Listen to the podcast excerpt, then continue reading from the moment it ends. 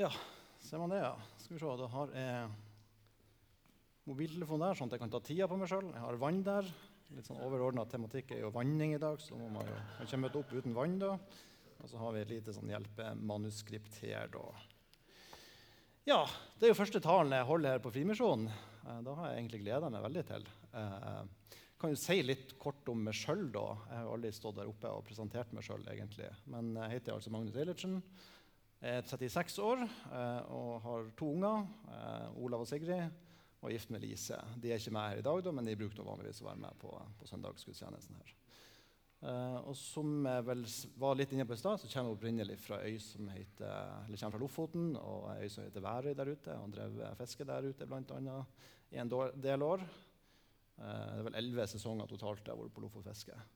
Så da holdt jeg jo på med, egentlig samtidig så jeg studerte, begynte å studere statsvitenskap her oppe i 2009.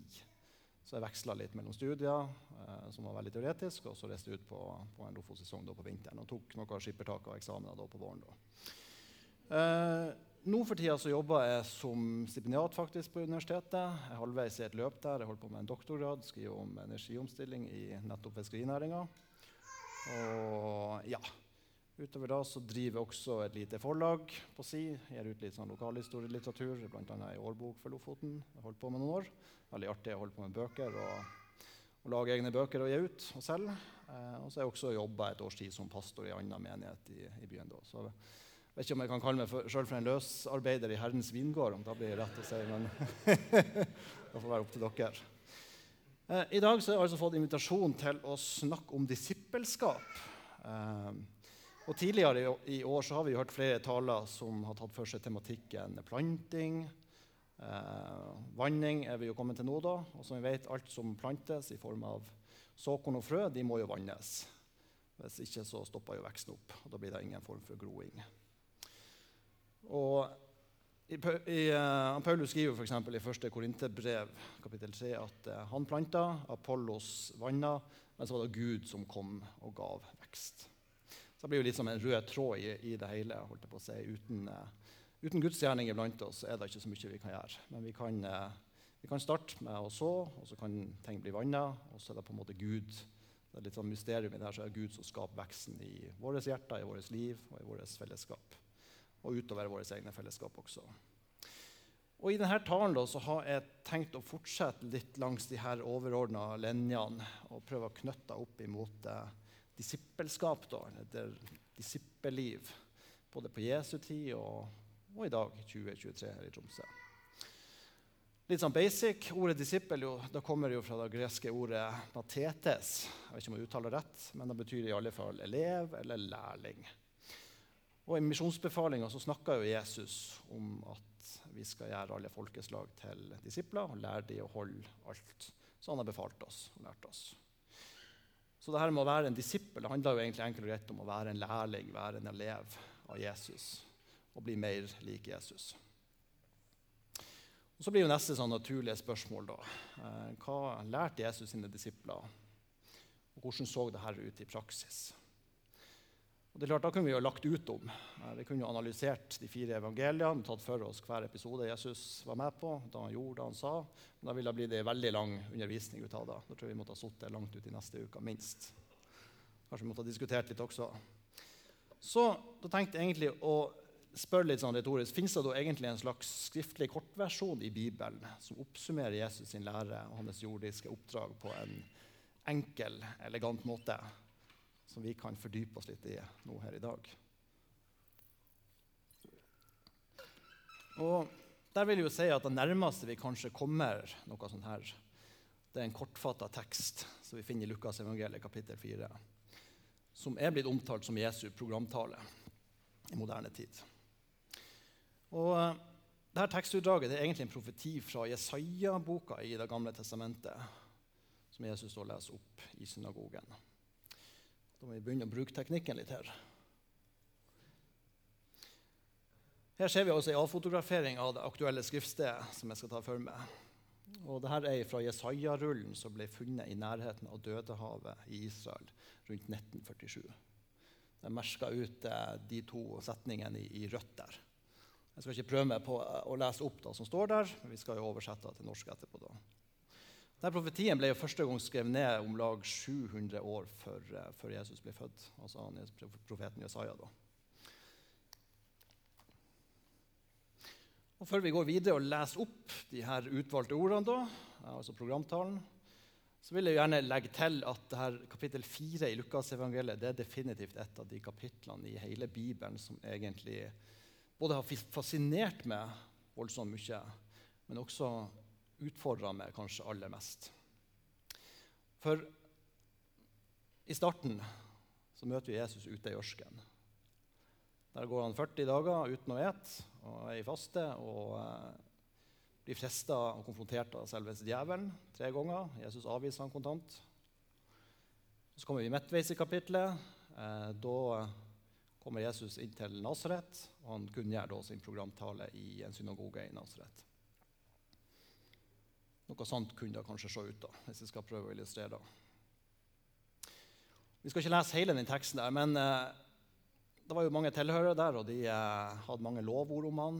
Og så snudde her plutselig. Eh, plutselig så endte det opp med at Jesus blir jaga fra synagogen av tilhørerne. Det ble eh, Noen av de tingene han sa etterpå når han leste opp programtalen, da provoserte tilhørerne. Så det går ifra at det er tilhørere som sitter der eh, Jesus' sin egen hjemby, og eh, ja, eh, på ene sida er rett imponert over da, de lovordene som kommer fra Jesus' i munn. Eh, og så er det ting der som Jesus sier etter hvert som gjør at eh, han, ja, han blir, fol folkemengden blir provosert, og Jesus blir jaga ut av synagogen og jaga ut av landsbyen. Og eh, han kommer seg nå unna, da. Eh, så det er altså voldsomme kontraster vi møter i denne bibelteksten. da. Eh, og Helt i slutten av kapitlet da, eh, så tar Jesus fatt på sin omfattende tjeneste ute blant folket. Det er klart Den røde tråden det er jo å forkynne evangeliet om frelse, undervise om Guds rike. Jesus helbreder syke, setter mennesker i frihet fra onde åndsmakter og annen type undertrykkelse. Og det som er litt sånn, Vi skal legge merke til her, det er at alt Jesus gjorde, alt Jesus sa, alt han forkynte, det var i samsvar med her punktene i arbeidsprogrammet hans. Så Da er vi kommet dit hen at vi leser opp hva var de her ordene her. Vi leser fra Lukas, kapittel, eh, Lukas 4, eh, kapittel 4, vers 14-21. I åndens kraft vendte Jesus tilbake til Galilea, og ryktet om han spredte seg over hele området. Han underviste i synagogene og fikk lovord av alle. Han kom også til Nasaret, hvor han var vokst opp, og på sabbaten gikk han inn i synagogen slik han pleide. Da han reiste seg for å lese, rakte de ham profeten Jesajas bok. Han åpnet bokrullen og fant stedet der det står skrevet. Og her kommer hans programtale. Herrens ånd er over meg, for han har sjalvet meg til å forkynne et godt budskap for fattige. Han har sendt meg for å rope ut at fanger skal få frihet Blinde skal få synet igjen, for å sette undertrykte fri og rope ut et nådens ord ifra Herren. Og Så ruller han bokrullen sammen, rakk den til synagogetjeneren og setter seg. Så ble det kanskje litt sånn rar stillhet. Alle i synagogen stirra spent på han. Han begynte med å si i dag er dette skriftordet blitt oppfylt mens dere hørte på.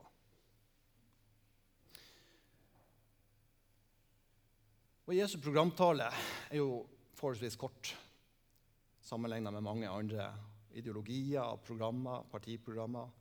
Rommer kun to setninger. To setninger med en voldsom sprengkraft.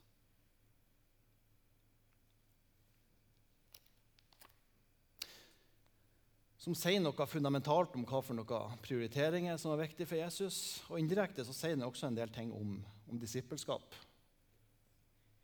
da være en disippel på Jesu tid, også i dag for så vidt. Der skal jeg komme tilbake til litt etter hvert. Eh, før Jesu oppgave blir ramsa opp, så nevnes også forutsetningen for å kunne utføre dem. Det snakkes om at Herrens ånd er over meg, for han har salvet meg. Altså det her må være salva av Den hellige ånd, utrusta med Guds kraft. Og Da kunne vi ha snakka mye om, og man har litt ulike forståelser av det. Men i hvert fall gjennom mange skriftsider i Det nye testamentet så leser vi, leser vi at Jesu disipler fra og med pinsedagen ble fylt av Den hellige ånd, at dette ga de frimodighet til å forkynne. Da ga de kraft til å gjøre tegn, under, helbredelser, mirakler. Dette er jo egentlig, nesten egentlig et sånn eget undervisningsemne, og mye kunne vært sagt om det. Men i hvert fall, Guds kraft i oss i dag kan forløses på litt forskjellige måter. Det er litt ulike eh, teologiske syn på hvordan dette skal forstås, hvordan dette skjer osv. Så, videre. så Så den ballen skal jeg la ligge nå, men i hvert fall så vil jeg peke på det som er helt grunnleggende i forhold til det her med ånden, Den hellige ånd i dag. Eh, og hvordan vi blir fylt av Den hellige ånd. Hvordan kan vi ta til oss av, av Guds ånd i vårt liv. Det handler jo egentlig om to ting. For det første så handler det om å ha en levende relasjon med Jesus gjennom bønn. Og det handler om å ta til seg av, av Guds ord. Det er liksom to, to sånne hovedsøyler i, i det her. da. Og så kan det da komme til uttrykk på veldig mange forskjellige måter. Noen ber i sitt stille, noen liker å be høyt. Eh, noen de eh, liker å be eller lese direkte fra Bibelen, andre hører på en podkast. Eh, man kan høre på undervisning. I det hele tatt er det så mange kilder vi har i dag der vi kan ta til oss av Guds ord, Guds rikdom, som er tilgjengelig bare et tastetrykk unna. Så det er mange muligheter for, uh, for å bli fylt av Ånden. Og Grunnen til at jeg sier det her, det er nettopp da, I Johannes-evangeliet så sier jo Jesus sjøl at han er vintreet, dere er greinene. Altså vi er greinene. Og den som blir i meg, og er i han, bærer mye frukt. For uten meg så kan dere ingenting gjøre. Så veldig sånn Kortfatta så handler det om å være i Jesus. Så blir han i oss, og da bærer vi mye frukt.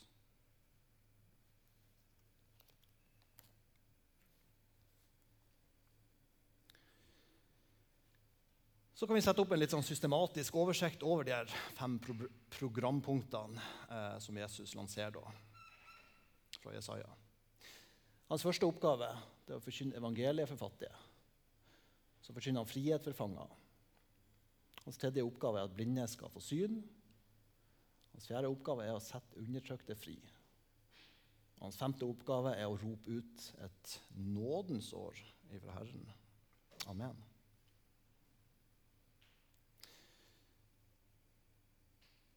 Jeg tenkte vi skulle bare prøve å gå litt sånn systematisk gjennom hvert punkt. Så skal jeg snakke litt om hva, hva som kan ligge i de, fem forskjellige punktene. Så blir det litt av fordypning på det, egentlig. Og så har jeg jo tida her, så jeg skal prøve å, skal prøve å lande det her. Men forkynn evangeliet for fattige. Evangeliet, det gode budskapet, de gode nyhetene. Jo, det er jo kristendommens ABC. Eh, Gud sjøl, gjennom Jesus Kristus, kom til verden Amen. for å sone straffa for all verdens synd gjennom å dø på Golgata kors. Helt enkelt, helt elementært. Helt uforståelig samtidig. Det er da det som vi kaller for, på teologi, teologisk språk da, for Jesus stedfortredende soningsdød. Og Det som er så fantastisk, at på denne selvfølgelig brutale historiske hendelsen så hviler hele grunnlaget for at vi mennesker kan bli frelst. På Jesus soningsdød på korset. Vi kan ikke fatte og begripe det. Så enkelt, så uforståelig. Men likevel en åpning for oss til den himmelporten. Men ikke nok med det, Vi tilbys også en ny start her nede på jord, i jordlivet vårt. Det er ikke sånn at vi skal OK, slapper vi av og så skal vi vente vi kommer til himmelen. For der blir alt så fantastisk. Og så skal vi bare la livet skure og gå som om, om dette ikke har noen implikasjoner for oss i denne tid. Jesus snakker om å bli født på ny i vår ånd når vi tar imot Han som frelser og som Herre. Og Det er så glad med evangeliet, det er jo at dette er en invitasjon som står åpen for alle mennesker i alle samfunnslag. Helt uavhengig av sosial rang, posisjon, vellykkethet og alle andre menneskelige målestokker. Gjennom trua på Jesus Kristus blir vi erklært 100% rettferdig overfor Gud. Og I tillegg så er vi gjennom Den hellige ånd lovd kraft og størske til et nytt liv. Liv der vi vender oss bort ifra det som er ondt, det som er urett, sånn at vi kan la åndens frukter få vokse fram i livet vårt i denne tid. Åndens frukter er jo et sånt begrep som jeg har hørt som vi snakker ofte om og nevnt mange ganger på gudstjenester her. Og jeg syns det er så Jeg vil bare dra det opp her igjen, for det er, sånn, det er en sånn velklang ut av det. Det er en sånn velduft ut av det. Hver gang jeg hører det, så vil jeg bare åh, jeg vil bare strekke meg etter det. La meg få mer åndens frukter, kjære Jesus. Og I Galaterbrevet kapittel 5 der står det da om de her åndens frukter, som er kjærlighet, det er glede, det er fred, overbærenhet, vennlighet, godhet, trufasthet, ydmykhet og selvbeherskelse. Amen, for en skatt. Hvem av oss vil ikke bare drikke og spise av åndens frukter? Ta til oss av det. Vokse i det.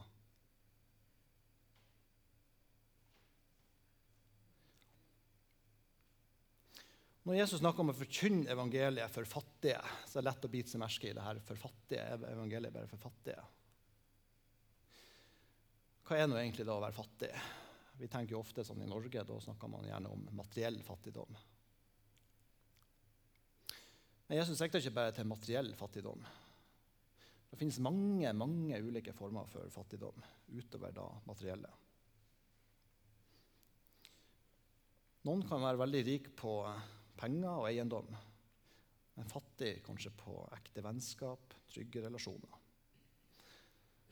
Andre igjen har kanskje alle de her tingene på plass, men kanskje de mangler en klar retning eller visjon, hensikt med livet sitt, som på en måte gir tilværelsen en dypere mening og retning utover det her materielle, utover den perioden vi er i jordelivet. Noe som strekker seg utover det forgjengelige og inn i evigheten.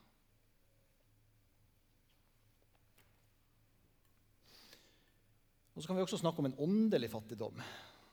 Hva kan da være? Da å ikke kjenne Gud.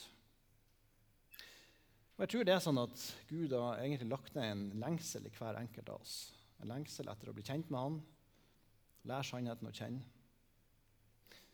Og dette behovet, denne dype lengselen, tror jeg det er kun Jesus Kristus som kan fylle i oss. Så Basert på det så kan vi på en måte forstå at evangeliet til de fattige egentlig gjelder oss alle sammen på en eller annen måte. Helt uavhengig av vår menneskelige rikdom og eller fattigdom i denne tid. Og sånn sett så er Jesu budskap om frelse, tilgivelse, evig liv et uh, fantastisk gledesbudskap for folk i alle samfunnslag. Hvis man vil ta imot det. Tro på det.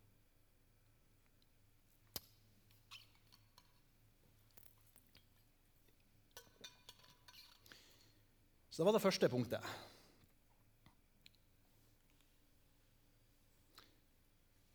Punkt nummer to frihet for fanger.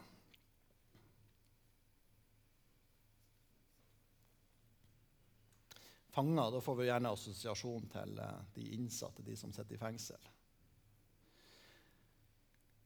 Men det kan være veldig mange måter å kjenne på fangenskap på. Vi som mennesker vi kan være fanga i våre egne tanker. Vi kan være fanga av frykt, destruktive tankemønster, bitterhet, forakt, hat, utilgivelse osv. osv. osv. Vi kan til og med være fanga av vår egen menneskelige stolthet, kanskje, helt, kanskje, uten at vi egentlig skjønner det. Og Det er nok heller ikke uvanlig å oppleve seg fanga av omgivelsene på en eller annen måte. Kanskje dårlige livsvalg som ikke lar seg reversere senere i livet.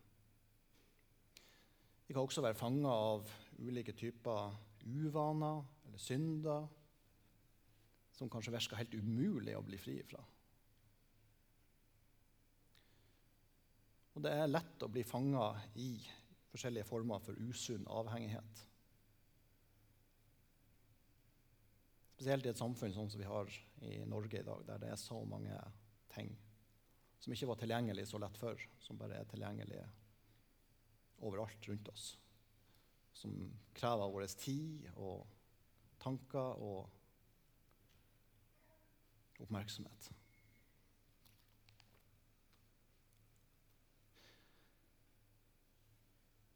Jesus kom for å hjelpe oss å bryte sånne ugudelige lenker og bånd over livet vårt. Lenker som legger tunge byrder på oss som mennesker. Byrder som hindrer oss fra å blomstre i våre kall og talenter som Gud har lagt ned i hver enkelt av oss. Sånne byrder vil vi settes fri fra. Veldig ofte så klarer vi ikke da egen kraft. Vi trenger Guds kraft. Vi trenger hjelp fra Jesus for å bli fri. Ifølge Jesus er en av de viktigste nøklene til frihet å kjenne sannheten i Guds ord. Johannes, 8, eh, Johannes kapittel 8, vers 31-32, så sier Jesus hvis dere blir i mitt ord, er dere virkelig mine disipler. Da skal dere kjenne sannheten, og sannheten skal gjøre dere fri. I Hebreerbrevet kapittel 4 så står det at Guds ord det er levende, det er virkekraftig og skarpere enn noe tveegga sverd. Det trenger gjennom til det kløver sjel og ånd, marg og bein, og dømmer hjertets tanker og planer. Det er ganske heavy.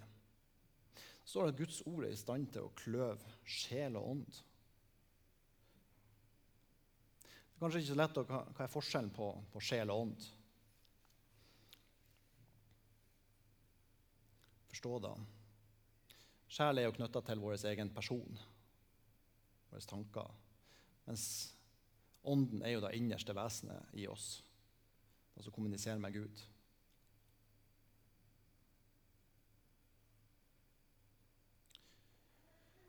Og Av og til er det ikke samsvar, eller veldig ofte er det ikke nødvendigvis samsvar mellom våre egne personlige, sjelelige tanker om hva som er rett, hva som er galt, hva som er gode vurderinger, hva som er dårlige vurderinger og skjell fra det som er Guds stemme, eller Hellige Ånds stemme i våre hjerter.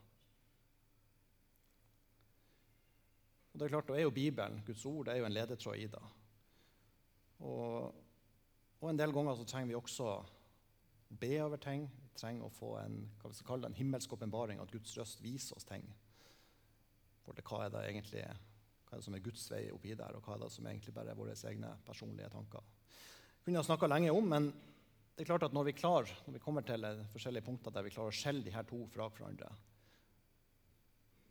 Hvis det er forskjeller da i det, så, så kan vi ta steget inn i kristen frihet på forskjellige livsområder.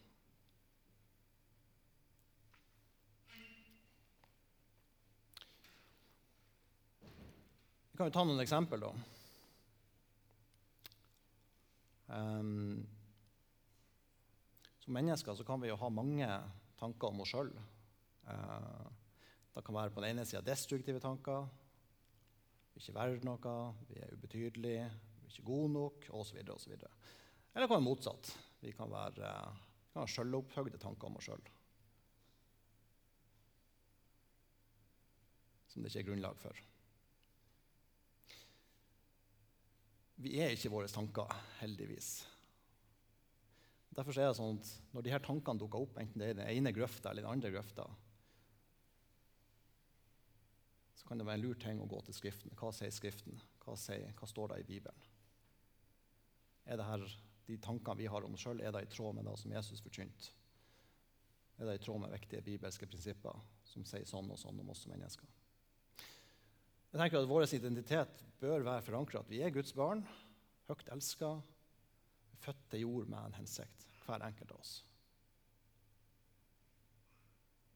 Selv om vi kanskje ikke alltid føler det sånn. Det er det som er sannheten. Amen. Og I Efeserbrevet skriver han Paulus så fint i kapittel 1 at i ham, i han, altså Jesus, har vi friheten. Kjøpt med hans blod. Tilgivelse for syndene. Så rik er Guds nåde, som han har latt strømme over oss med all visdom og forstand. Er det ikke herlig? I Han har vi friheten, kjøpmannens blod, tilgivelse for syndene. Det er nydelig.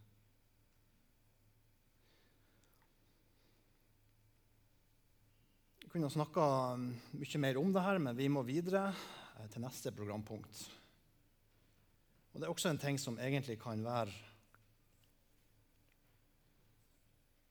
kan forstå det litt ulikt. Det kan være litt utfordrende også å forstå det rett. Hva ligger egentlig i det her med at blinde skal få synet igjen?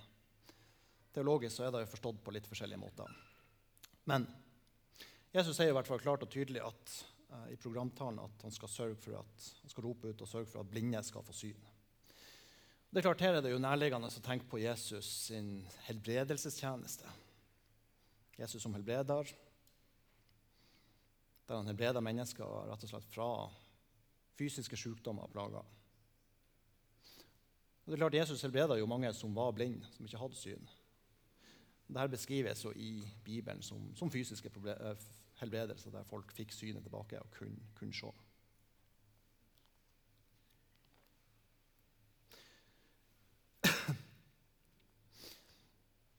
Når vi leser evangelietekstene, er de ganske tydelige på at Jesus helbreder alle menneskene som kom til ham. I Matteusevangeliet kapittel 4 så leser vi at Jesus drog omkring i hele Galilea.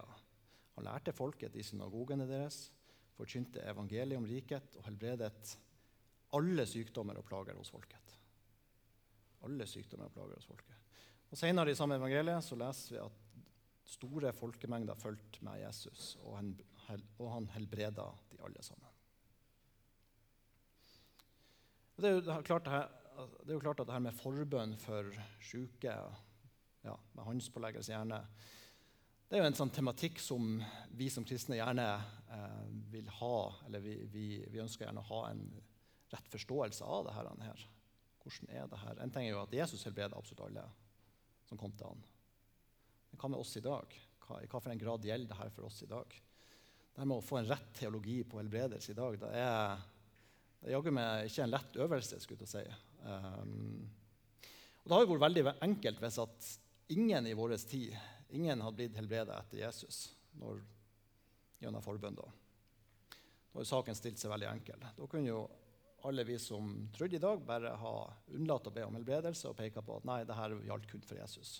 Det skjedde kun med han, og det var en del av hans oppdrag, ikke vårt.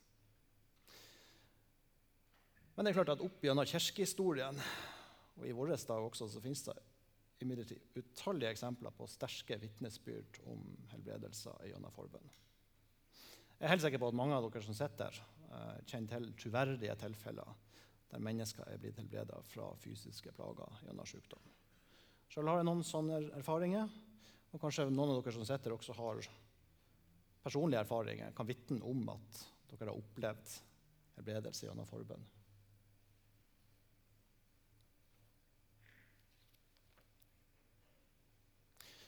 Så da koker jo ofte det spørsmålet hos oss som tror på fysisk helbredelse i dag, da, da koker jo ofte ned til hvorfor noen blir helbreda i våre dager, mens andre ikke blir det. Vi har gjerne et, ønske, et sterkt ønske om å forstå hvorfor det er sånn. Men det er klart, I likhet med mange av de andre vanskelige spørsmålene, som f.eks. knytta til det ondes opphav, det ondes eksistens, så tror jeg ikke vi vi vil få noen uttømmende forklaringer på, på, her, på de spørsmålene i, i, i, jordelivet. Det er noen ting der som forblir et mysterium. Men i hvert fall tenker jeg personlig da, at det her med at Jesus helbreda så mange mennesker, alle som kom til ham, det viser at Guds gode vilje for oss er legedom og god helse. tenker jeg da. Og En annen aspekt eller dimensjon rundt det her er at det er klart at Vi kommer jo ikke bort ifra at vi som mennesker vi lever jo i et veldig sånn komplekst spenningsfelt mellom Guds rike, som er kommet nært oss i dag, som er tilgjengelig, så vi kan få en viss forsmak på i denne tid, og på den andre sida det her verdens rike, som er forgjengelig, og som er underlagt Satan for en stor del. Det er klart, I en forgjengelig verden så er det her med sykdom, aldring, dødelighet det henger uløselig sammen med en fallen verden. Verden som er fallen, og et skaperverk som på mange måter er i, i sterk ubalanse på så mange områder. Men når det er sagt, så tror jeg at å be for syke det er en del av Guds kall til oss i dag. Jeg tror at helbredelse i Jesu navn da kan skje, at det skjer i dag. Selv om vi kanskje ikke ofte, så ofte hører om det eller ser det i det moderne Norge. Det er ikke da man ser på førstesideoppslaget i VG akkurat. Eller Nordlys, for den saks skyld. Det er klart at En forutsetning for at det kan skje, det er jo at vi som tror på det, at vi bruker denne trua, eller at vi bruker, bruker den trua som grunnlag aktivt i bønn. Og at vi faktisk, faktisk ber om at helbredelse skal skje. Enten det er gjennom forbønnshandlinger med håndspåleggelse, eller om vi ber i det stille fra vårt lønnekammer. Da tror jeg vi alle, alle, alle fleste som sitter her i rommet, nok gjør. At vi ber for folk som er syke, som vi kjenner, og som vi bryr oss om, og som vi ønsker skal bli friske. Og så må vi bare erkjenne at det er mange spørsmål der vi kommer ikke til å svare, få, få svar på hvorfor. I denne tid. Og kanskje det ikke er noe spesielt god, godt svar på det, akkurat de hvorfor-spørsmålene. Jeg har ei søster som døde for noen år siden i kreft. Det vel begynner nærmest tre år siden. Eh, 32 år gammel. Akkurat blitt det.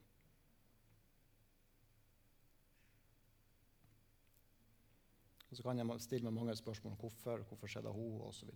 Men jeg har på en måte forsont meg med at jeg får ikke svar på det det er så mange dimensjoner ikke jeg fatter og begriper i denne tid. Og jeg vet heller ikke om det er noe godt svar på det. Så Derfor har jeg klart å funne en slags fred i det. Hvil i en fred. at Litt vanskelig å finne ord for det, men, men eh, jeg har på hvert fall på den måten klart å, å ikke gå i den brukt veldig mye tid på å uh, grubelere på hvorfor. Og hvorfor. Og gravd meg ned i de spørsmålene. Men uh, ja, jeg vet det er mange ulike situasjoner og mange historier. og mange, det, det, er ikke lett, det der. Det, det, er det ikke. Så vi trenger Guds nåde i, i alle de her tingene. Programpunkt fire snakker Jesus om å sette undertrykte fri. De som har et sønderbrutt hjerte. Dette kan jo bety så mangt i praksis, og det er nok nært beslekta med programpunkt nummer to, som handler om at fanger skal få frihet. Men hvis vi skal ta utgangspunkt i det her ordet 'undertrykt', forutsetter jo at det er noe, altså noen eller noe som undertrykker, holder en person nede. da. Og det kan jo skje på mange måter. Det kan jo dreie seg om sosial undertrykkelse gjennom omgivelsene våre. Det kan foregå både på det fysiske planet, det kan foregå på det mentale planet, gjennom mobbing. Det kan foregå på det åndelige planet gjennom det som Bibelen omtaler som onde åndsmakter. I hvert fall I evangelietekstene leser vi jo en, finner en rekke eksempler på at Jesus setter undertrykte mennesker i frihet. Vi kan jo nevne Maria Magdalena, som ble befridd fra sju onde ånder. Og I tillegg så hadde hun jo et rykte på seg for å leve et uverdig liv. Så sånn sett så opplevde hun nok både sosial undertrykkelse og åndelig undertrykkelse. Men hva skjer? Jo da, Jesus møter henne. Han frir henne ut fra de her demonene og reiser opp. Hun ble jo til og med leder for de kvinnelige disiplene som fulgte Jesus. Vi kan også trekke fram eksempelet der Jesus møter en besatte mann fra gravhulen. Ganske heavy greie. Jesus kaster ut de her onde åndene, setter den undertrykte mannen i frihet, og mannen blir helt frisk. Og ikke nok med da, Jesus han sender til og med denne mannen tilbake til byen eh, som han opprinnelig kom fra, for å vitne om hva Gud har gjort for ham. Det er ganske sterkt for et vitnesbyrd. Tenk å være vitne til det der han er.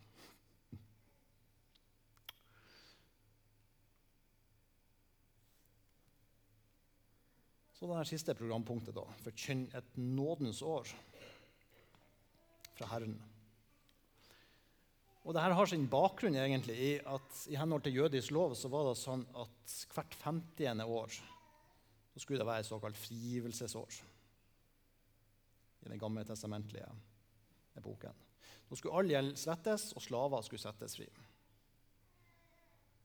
Så det er egentlig dette frigivelsesåret det siktes til i profetien, der det står at Messias skulle komme og rope ut et nådens år fra Herren. Og Nådens år kan jo i overført betydning kalles nådens tidsalder, altså den epoken som, eh, som vi egentlig befinner oss i i dag.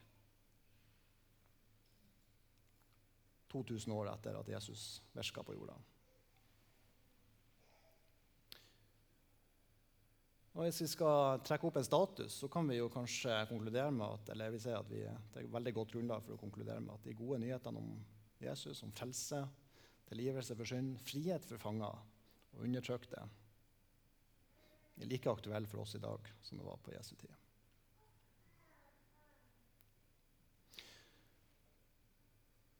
Og Hvordan skal vi da koble Jesu programtale til opp imot oss i dag? da?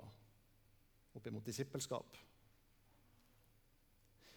Vi kan jo ta en liten kikk på misjonsbefalinga fra Matteusevangeliet og to par andre korte tekstutdrag fra Lukas og Johannes som tar for seg noen av de her sentrale dimensjonene ved det oppdraget som Jesus ga disiplene sine. Dette har vi hørt mange ganger, men uh, Jesus sier til disiplene sine i Matteus eh, før han eh, spretter opp til himmelen Jeg har fått all makt i himmelen og på jorden. Gå derfor og gjør alle folkeslag til disipler. Døp dem til Faderens, Sønnens og Den hellige ånds navn. Lær dem å holde alt det jeg har befalt dere. Og se, jeg er med dere alle dager inntil verdens ende. Så har vi fra Lukas. Den trenger jeg ikke lese, men vi kan lese en slags Jeg vet ikke om vi skal kalle det misjonsbefaling, akkurat, men et utdrag fra Hannes, nest siste kapittel i Johannes, der nederst. Der Jesus sier til disiplene sine, 'Fred være med dere'. Som Far har sendt meg, sender jeg dere. Som Far har sendt meg, sender jeg dere.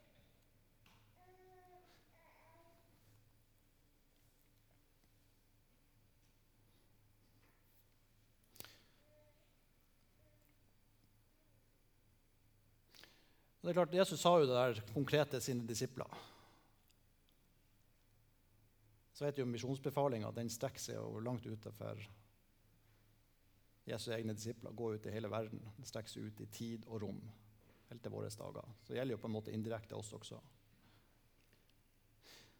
Så egentlig sånn oppsummert så kan vi jo si at Jesu programtale også er en slags, en slags disippelprogram for oss i dag også. Og Her må jeg jo innrømme at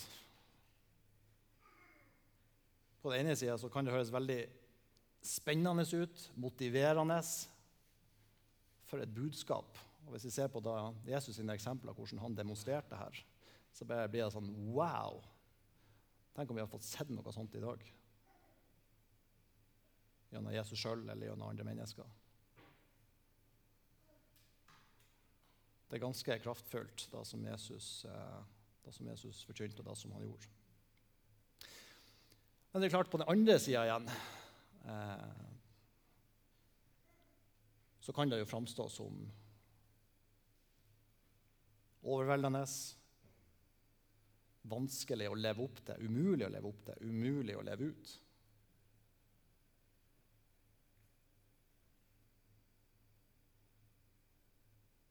Er vi enige da?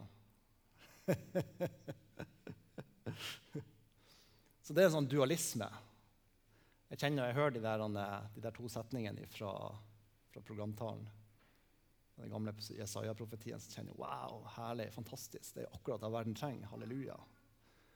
Og så eh, Oi, gjelder det for meg også? Gjelder det for oss i dag som menighet? Uh, hvor skal vi begynne? Hva, det er fort gjort å snuble her, altså. Det, ja.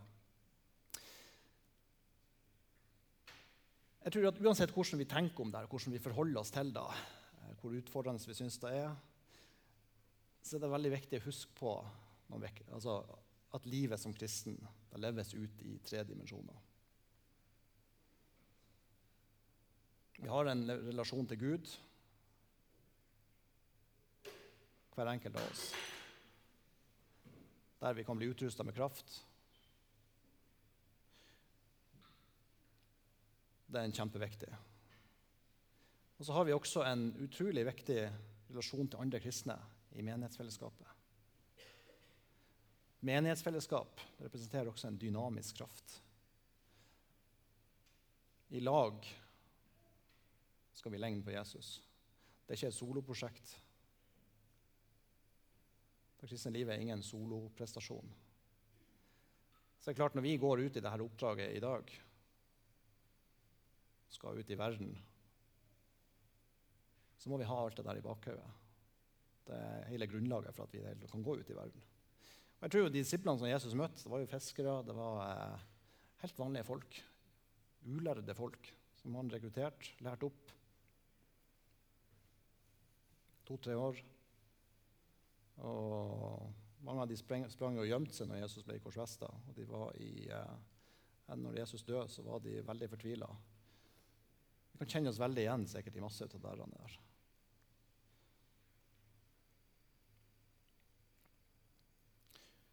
Og så er det også viktig å ha i bakhodet at Eller ikke bare i bakhodet, men i hele hodet og i vårt hjerte. At frelsen den hviler ikke på, på gjerninga. Den hviler ene og alene på trua på Jesus. Vi blir jo ikke frelst fordi vi lever ut misjonsbefalinga eller Jesu programtale. Det er ikke lovgjerninger som frelser oss.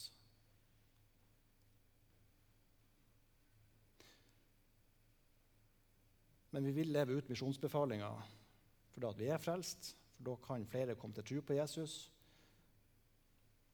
Og de nye som kommer til tro på Jesus, kan bli utrusta og kan dermed spre evangeliet videre. Så det er en sånn dynamisk prosess med ringvirkninger videre og videre og videre. Så ser jeg at nå er klokka 12.33.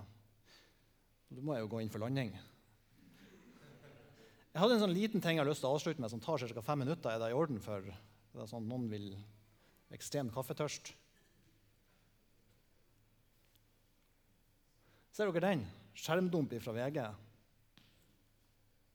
Studentenes bønn gikk viralt. Titusener reiste til amerikansk småby. Og så står det i ingressen en gudstjeneste på et universitet i Kentucky spredte seg til millioner på TikTok da noen studenter ble igjen for å be. I løpet av to uker besøkte over 50 000 den lille byen. Noen som har sett den? her, Jeg var, eh, kom opp her i, eh, tidligere i uka. Så i VG. Hæ? Wow, hva skjer? det må jo være noe som skjer der, da. Vi leser om litt hva som skjer der, før vi, eh, før vi avslutter helt.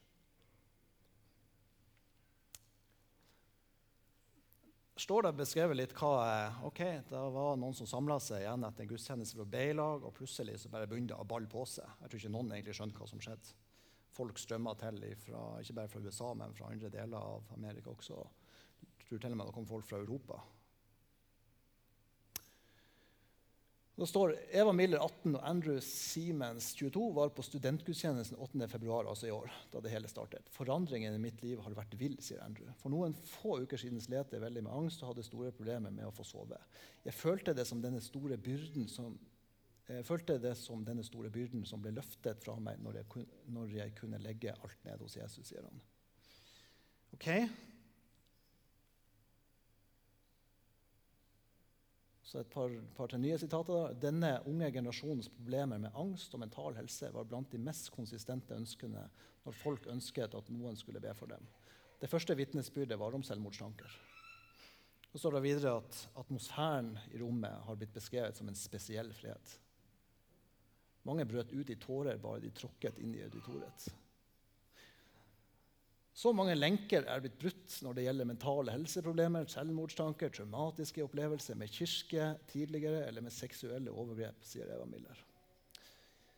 Tilgivelse og gjenopprettede relasjoner mellom studenter som tidligere hadde snudd ryggen til hverandre, er blant historiene som blir fortalt.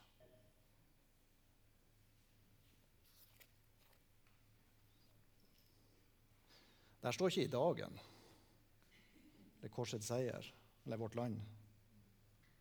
Står i VG. Kjenner vi en liten duft av himmelen i det her? Ut av intet på to uker. Masse folk som strømmer til.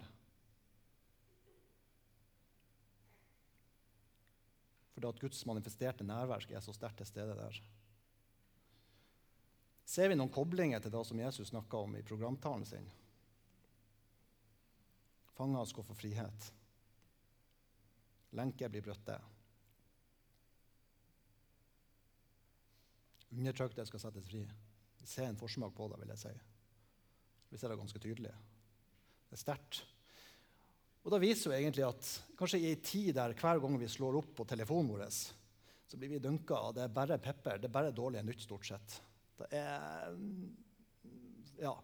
Jeg tror både nasjonalt, internasjonalt og lokalt altså det, det, er så mange piler som bare peker nedover.